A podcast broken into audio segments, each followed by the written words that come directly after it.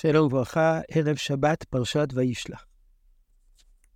הנושא שלנו הפעם הוא נושא הלכתי, הקשור לפרשת השבוע, והוא, והיא סוגיית הפגיעה בחפים מפשע במהלך מלחמה או אה, עימות עם מחבלים שמתחבאים בתוך אוכלוסייה אזרחית, וכדי לחסל אותם, צריכים לפגוע במגן האנושי שלהם, ואילו החפים מפשע אשר מקיפים אותם. שאלה זו נידונה בהרחבה בדורות, בדור האחרון. מצדדים שונים, דין רודף, דין רודף שלא בכוונה, דין רודף בגרמה.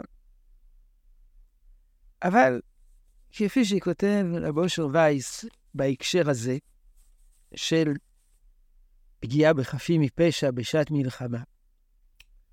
הוא כותב, הלכה זו לא מצינו בדברי הגמרא והפוסקים. כלומר, לא מצינו לה אה, בירור מושלם, אלא בתנ"ך ובמפרשיו. וזאת משום שמאז חורבן בית מקדשנו וביטול מלכות ישראל, לא היו שאלות אלה נוגעות למעשה, ומיעטו לעסוק בסוגיות אלו של מלחמה ואופן ניהולה. ובהכרח נתבסס על מלחמות ישראל כפי שמבוארים בתנ"ך ובדברי המפרשים לדורותיהם, בבואנו לקבוע מסמרות בסוגיה זו. והפרשייה התנ"כית אולי הראשונה, ואולי המשמעותית, זה מעשה שכם. כאשר שמעון ולוי, לאחר שתושבי שכם, יחד עם שכם ואביו חמור, נימולו, ביום השלישי, בהיותם כואבים, שמעון ולוי הרגו כל זכר, ואת חמור, ואת שכם בנו, הרגו לפי חר. ויעקב אה, מגיב בחומרה כנגד התנהגותם, על כך שהם אה, הרגו את כל תושבי שכם, וגם הרגו את חמור ואת שכם בנו, למרות ש, ש, ש, ש, שדיברו על כך שהם ימולו, אז, אה, אז אה, הם התחתנו ביניהם, אבל שמעון ולוי אמרו, זונה, יעשה את אחותינו, יעשו את אחותינו. הדבר מעניין הוא שהקדמונים, ובראשם הרמב"ן, ניסו להבין מה שורש ההתנהגות אה, של בני יעקב. למה הם נהגו? ורבים ישאלו איך עשו בני יעקב הצדיקים במעשה הזה לשפוך דם נקי. אחרים תמו, מה השאלה? באמת זה לא בסדר. יעקב מבקר אותם. יעקב אומר שההתנהגות שלהם אינה ראויה. אז מה מחפשים להצדיק את בני יעקב בשעה שיעקב אבינו אומר עליהם, מטיח כנגדם, נגדם ביקורת? והתשובה היא, שכשמעיינים בביקורת של יעקב, רואים שהביקורת איננה ביקורת אה, מוסרית על התנהגותם, אלא יעקב אומר, אחרתם אותי להבישעני ביושב הארץ בכנעני ובפריזי. זאת אומרת, קלקלתם את התדמית שלנו. ואנו מתי מספר, ואני מתי מספר, ונאספו עליי והיכוני, ונשמדתי אני וביתי. דבר שני, אתם מסכנים, סיכנת, אתם מסכנים אותנו, הכנסתם אותנו לסכנה.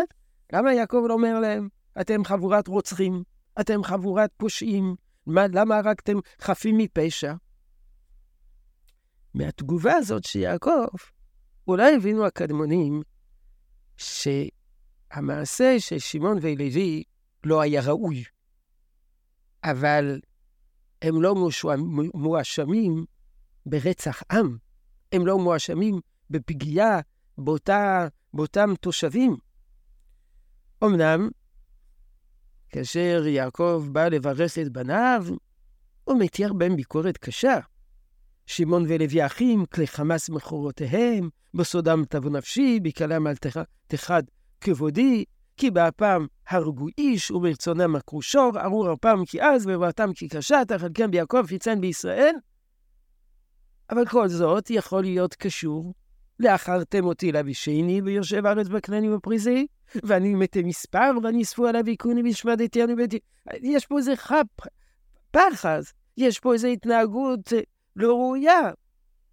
ארור אפם כי עז, כי באפם הרגו איש, וברצונם עקרו שור. אבל אין ביקורת, אין כאן בהכרח ביקורת על עצם המעשה. אז הראשונים כבר דנו בשאלה הזאת.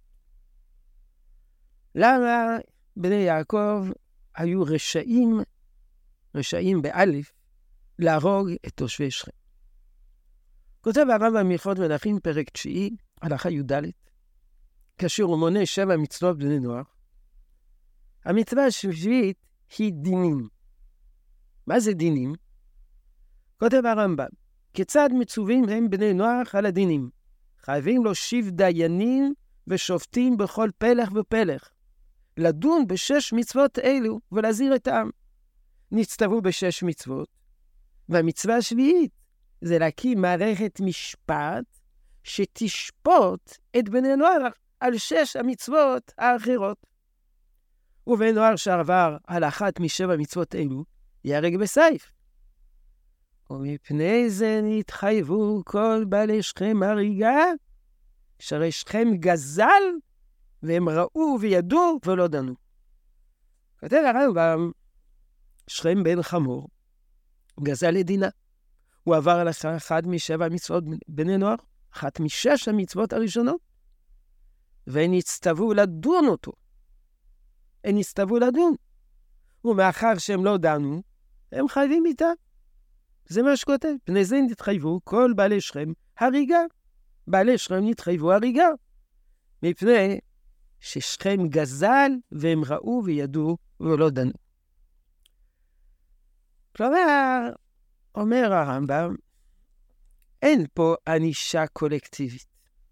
יש אחריות קולקטיבית. כל בעלי שכם היו אחראים. הם אחראים לכל הפחות בדיעבד. לאחר ששכם גזל, הם היו צריכים לדון אותו. ומאחר שהם לא דנו, הם עברו על אחת משבע מסוף דנור, ועל כן חייבים. והרמב"ן חולק על כך. הרמב"ן בפרשתנו, רמב"ן בן נון בפרשתנו, חולק על הרמב"ם. כי אומר שאם באמת היו חייבים מיתה, אז למה יעקב לא הצטרף אליהם? ולמה יעקב, למה יעקב אה, אה, לא השתתף? ואם תאמר שיעקב פחד, כמו שהוא אומר, אה, אה, והיכוני ונשמדתי אני וביתי, אבל למה כעס על בניו? וערר אפם אחר כמה זמנים? וענש אותם וחילקם והפיצם? הלא הם נהגו כשורה, ועשו מצווה, ובטחו באלוקים והצילם. אז כותב הרמב"ן, מקשה עוד קושייה. וכי אתה מטיל עליהם את האחריות על קולקטיבית, על כך שלא דנו את שכם, וכי יכלו לדון את שכם, וכי הייתה להם אפשרות לדון אותם. הרי שכם ואביו חמור היו שם שליטים, וכי האוכלוסייה האזרחית יכולה לדון את ההנהגה? זאת אומרת, בלשון אחרת, הם היו אנוסים, לא הייתה להם אפשרות לדון אותם. מה אתה מטיל להם את האחריות? כמו אלה שטוענים שה, שהאוכלוסייה האזרחית בעזה, היא, היא, היא לא יכולה להתנגד למעשה החמאס, למעשה הנהגת החמאס, הרי הם ידבחו בהם, יהרגו אותם. אז אומר הרמב"ן, איך אפשר להטיל להם את האחריות? אבל התשובה, שרגילים להשיב לטענה זו של הרמב"ן, שבעלי שכם תמכו. תמכו לא באופן, לא באופן אקטיבי, ואם לא באופן אקטיבי, לכל הפחות באופן פסיבי. כמו שכתוב בתורה, אשר טימאו את אחותם, אשר טימאו את אחותם. דהיינו, שהייתה פה, אשר טימאו את דינה אחותם, טימאו בלשון רבים, לא רק שכם. הייתה הסכמה של בית שתיקה, אה, דברים אפילו קצת יותר, טוב, אולי נזכיר אותם בהמשך. אז אי אפשר לומר שהם היו אנוסים. אנוס זה מי שהיה רוצה לנהוג אחרת. אילו הייתה לו אפשרות, היה נוהג אחרת. אבל אם אדם נאנס, נכון, יכול להיות שבעלי שכם לא יכלו להתנגד, אבל הם הזדהו, הזדהו עם ההתנהגות של המנהיגים שלהם, גם אם המנהיגים שלהם היו רודנים. ולכן יש להם אחריות קולקטיבית. וזה כמובן משליך על ההתנהגות של האוכלוסייה בעזה. גם האוכלוסייה בעזה איננה יכולה להתנגד. יכול להיות שכן יכולה להתנגד, אבל אם היא לא יכולה להתנגד, האם היא לא מזדהה? האם היא לא חוגגת? כל פעם שהחמאס מבצע אה, פיגוע, הם חוגגים, אז הם מזדהים, אז אי אפשר לומר שהם אנוסים. אבל הרמב"ן טוען טענה נוספת. חיוב מיטה על שבע מצוות בני נוח זה אך ורק אם בני נוח עוברים עבירה, גוזלים, חוצכים, עובדי, עובדים עבודה זרה. אחת משש מצוות בני נוח שהיא עבירה, עוברים על עבירה. על כך חייבים מיתה. אבל להושיב דיינים זו מצוות עשה. ואם הם לא מושיבים דיינים ולא דנים את מי שחייב, חייב להיענש, אז הם מבטלים מצוות עשה של, של בן נוח. על ביטול מצוות עשה לא חייבים מיתה.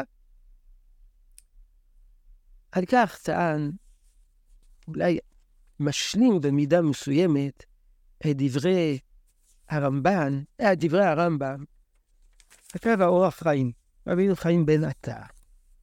וכך כותב, אותם שהרגו כל בני העיר, לצד שהם היו בעזר שכם לגזול דינה, ובני נוער מחויבים איתה לגזל.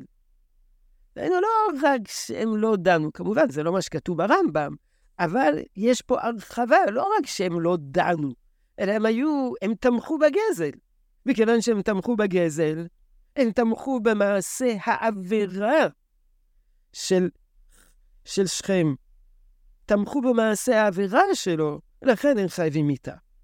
לא רק על זה שהם נמנעו מלדון, אלא אם אנחנו אומרים שהם היו שותפים, לא שותפים במעשה, אבל תמכו, היו בעזר שכם לגזול דינה, הרי הם כבר חייבים מיתה על העבירה. הרמב"ן כשלעצמו אה, מפרש בדרך אחרת.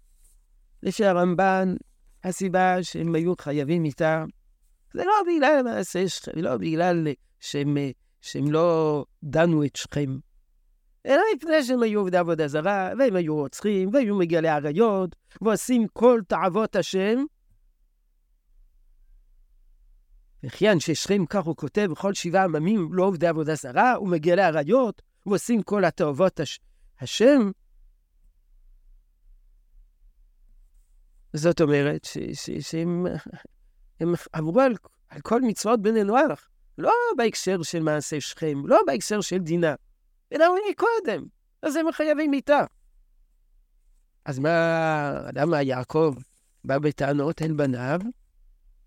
אלא שאין הדבר מסור ליעקב ועונר לסוף בן דין. כלומר, אין חובה. לפי הרמב"ן אין חובה, לא יהיה חובה על בני יעקב לדון את, את, את, את בעלי שכם על כל העבירות שלהם.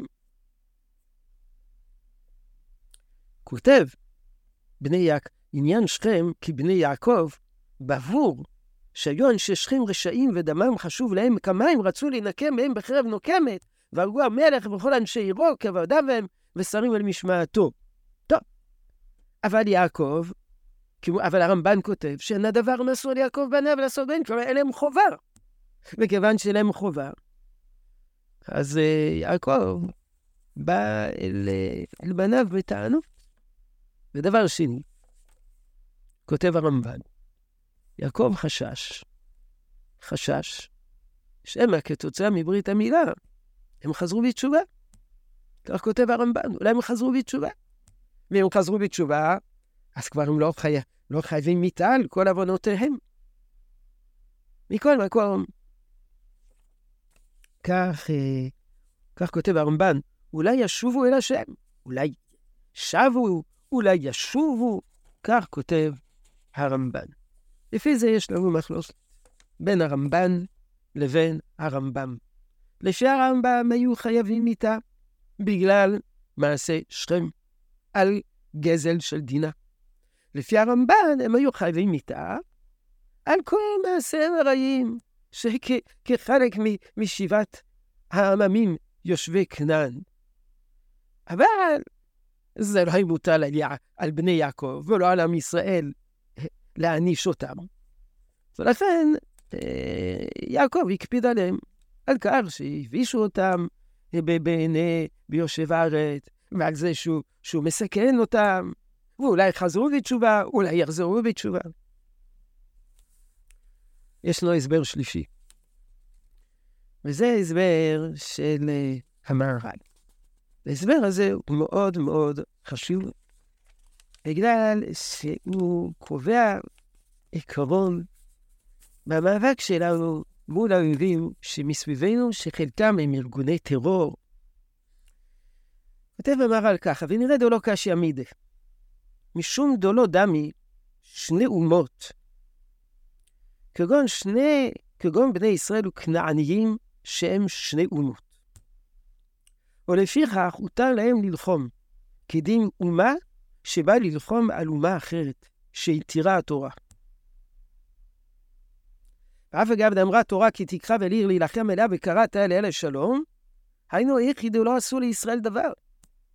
אבל היחיד עשו לישראל דבר כגון זה שפרצו בהם לעשות בהם נבלה, אף אגב לא עשה רק, אלא רק אחד מהם, כיוון דמכלל העם הוא, כיוון שפרצו להם תחילה, מותרים לקח נקמתם מהם. זאת אומרת, יש הבדל בין פושע יחיד לבין מאבקים לאומיים.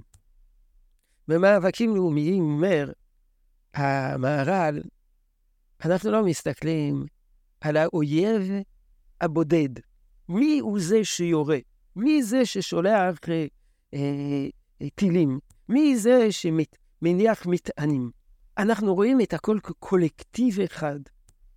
זה לא מלחמה בין יחידים, זה לא מלחמה מול כנופיית פשע, זה מלחמה בין ישויות לאומיות.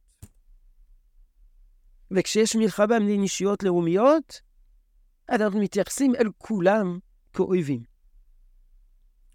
והחינמי, כל המלחמות, כגון צרורת המדיינים, אף על גב, זה היו הרבה שלא עשו, כותב המהר"ל.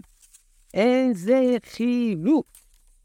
כיוון שהיו באותה אומה שעשה שעש, עליהם רע להם, מותרים לבוא עליהם למלחמה. אז זו התפיסה המפורסמת של המהר"ל. שהמהר"ל אומר שיש הבדל בין מאבק, מאבק מול איזה פושע בודד, שיש לו דין רוידף, אין לו דין רוידף, אתה דן על כל יחיד ויחיד מה האחריות האישית שלו, לבין עימותים בין שני קולקטיבים, בין שתי ישויות לאומיות. אם זה מאבק בין ישויות לאומיות, אנחנו לא בודקים מי פחות אחראי, מי יותר אחראי, מי הוא זה שנאבק בנו, בין חייל לבין אזרח, כולם באותה מידה. אנחנו נלחמים נגד כולם. והמהר"ל הוא רק מוסיף מילה אחת חשובה, וכן הם כל המלחמות. זאת אומרת, אומר המהר"ל, זה הנוהג, זה הנוהג. זה הנוהג במלחמות. אם ישתנה הנוהג, מה טוב ומה נעים, אבל כל עוד שזה הנוהג, בין המלחמות, במלחמות, במלחמות בין קולקטיבים, אז מותר לפגוע גם באוכלוסייה אזרחית שהיא שייכת לאותו קולקטיב.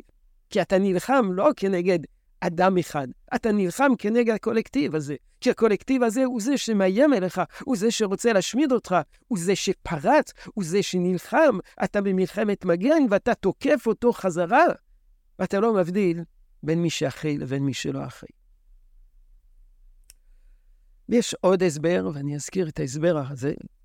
הסבר אחרון, שאומנם אולי אסור לפגוע בחפים מפשע, אבל אם בשביל להשמיד את האויב, אתה צריך לפגוע בחפים מפשע, זה מותר.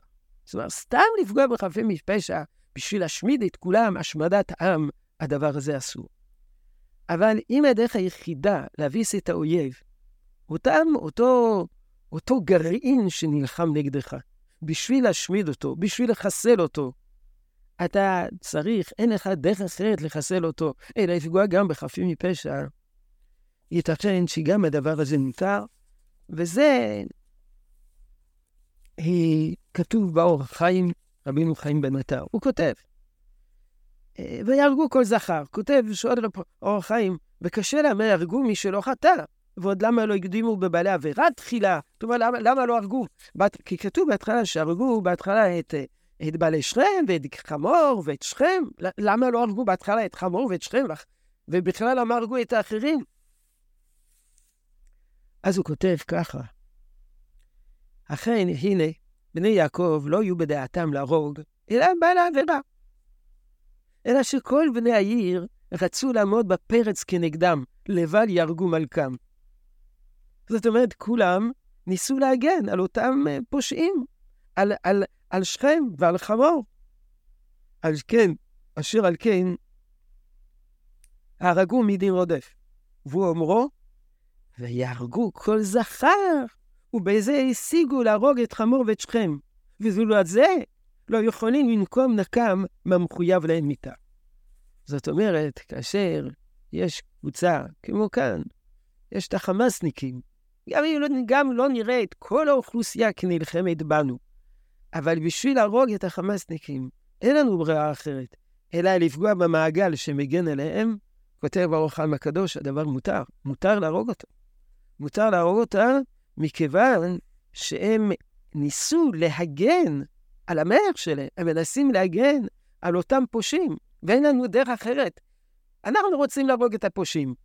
זה, זה מה שאנחנו רוצים לעשות. אבל בשביל להרוג את הפושעים, בשביל להגיע אליהם, אנחנו צריכים לפגוע גם באלה שמסביבם. אם לדוגמה, יש חמאסניקים שמסתתרים באיזה בניין, ובשביל לפגוע בהם צריכים להרוס את כל הבניין, אין לנו ברירה אחרת. אני אזכיר עוד דבר אחרון, שהוא דבר פשוט מאוד, שברגע שאומרים להם לעזוב ואינם עוזבים, אז ברור וברור שזאת אחריותם המלאה. אם יש להם דרך לעזוב, או קוראים להם לעזוב, והם לא עוזבים, ברור, ברור, פשוט מאוד שדמם בנפשם, וכל מי שלא עוזב, הרי אין לנו כל איסור לפגוע בו. אה, אני לא, עכשיו הייתה לי איזה ציטטה בהקשר הזה, אבל אה, אני לא מוצא אותה עכשיו. אז זה... עד כאן לשבת זו, שבת שלום.